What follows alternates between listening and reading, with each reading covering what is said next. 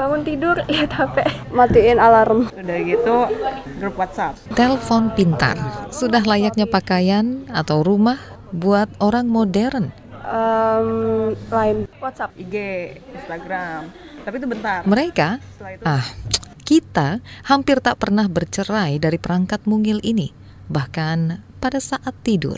Nah, itu yang membuat dia itu menjadi produktivitas menurun dan nggak bisa konsen, nggak bisa konsentrasi. Apakah kita sudah kecanduan internet dan layar telepon pintar genggam alias smartphone kita? Iya. Iya. Iya. Mencandu layar. Mencandu layar.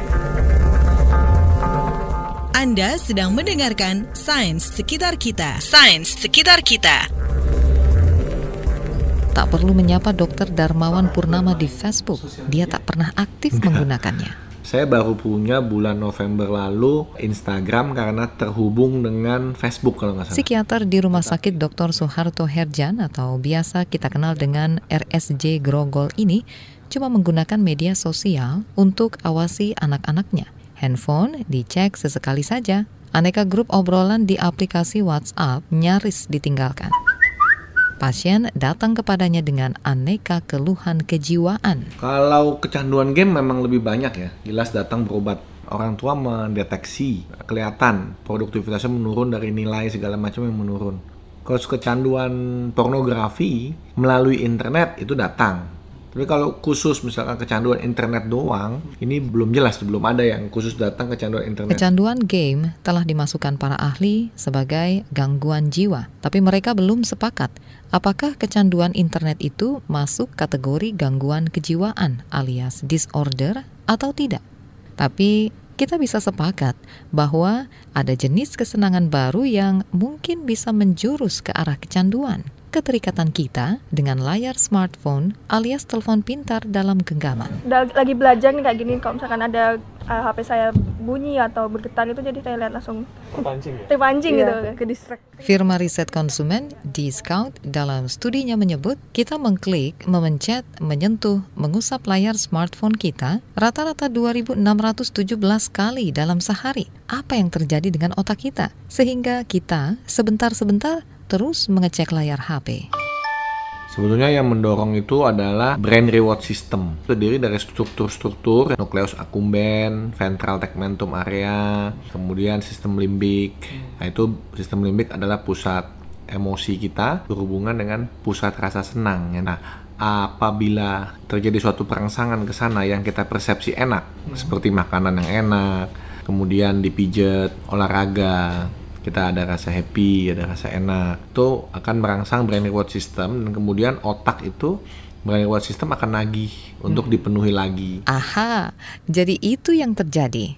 Kita senang lihat meme lucu di Twitter, pemandangan indah di Instagram, stalking alias menguntit profil mantan di Facebook, bermain game, rasa senang itulah yang bikin otak kita nagih. Nah, kalau itu jumlahnya masih oke, okay, masih tidak mengganggu produktivitas, kita masih anggap itu sebagai balancing dalam hidup. Jadi nggak selalu tegang.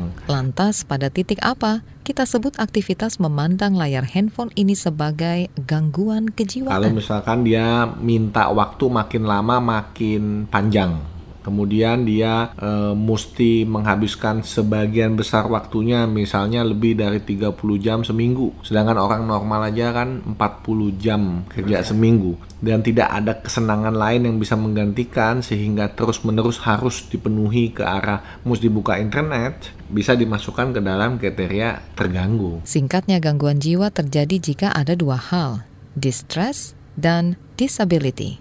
Perasaan gelisah, tidak nyaman jika kebutuhan tersebut tidak terpenuhi atau tak tergantikan. Dan ini yang paling penting, kita jadi tidak produktif. Orang dewasa atau anak sama saja, semuanya berpotensi mencandu dan terganggu jiwanya. Riset San Diego State University menyebutkan, anak-anak yang banyak menghabiskan waktu di layar tablet atau smartphone tidak bahagia. Studi mengambil data lebih dari 1 juta anak kelas 8, 10, dan 12 di Amerika. Dua kampiun teknologi informasi Bill Gates dan Steve Jobs juga membatasi anak-anak mereka dari paparan perangkat pintar ini.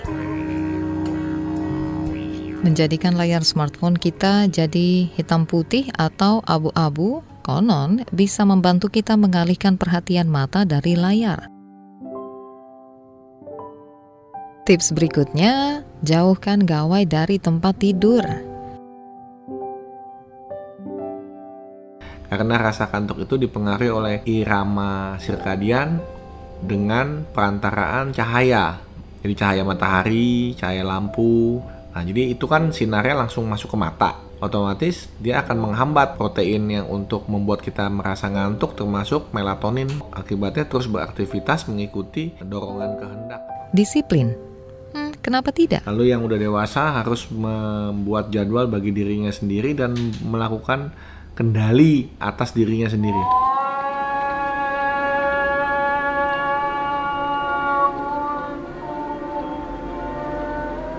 Meditasi, sholat, merenung, menarik diri sesaat, itu juga bisa dicoba. Supaya kita selalu eling, otaknya dilatih untuk selalu mindful, nggak ikut-ikutan, oh, terlarut begitu saja. Sains Sekitar Kita, Produksi KBR dan The Conversation Indonesia.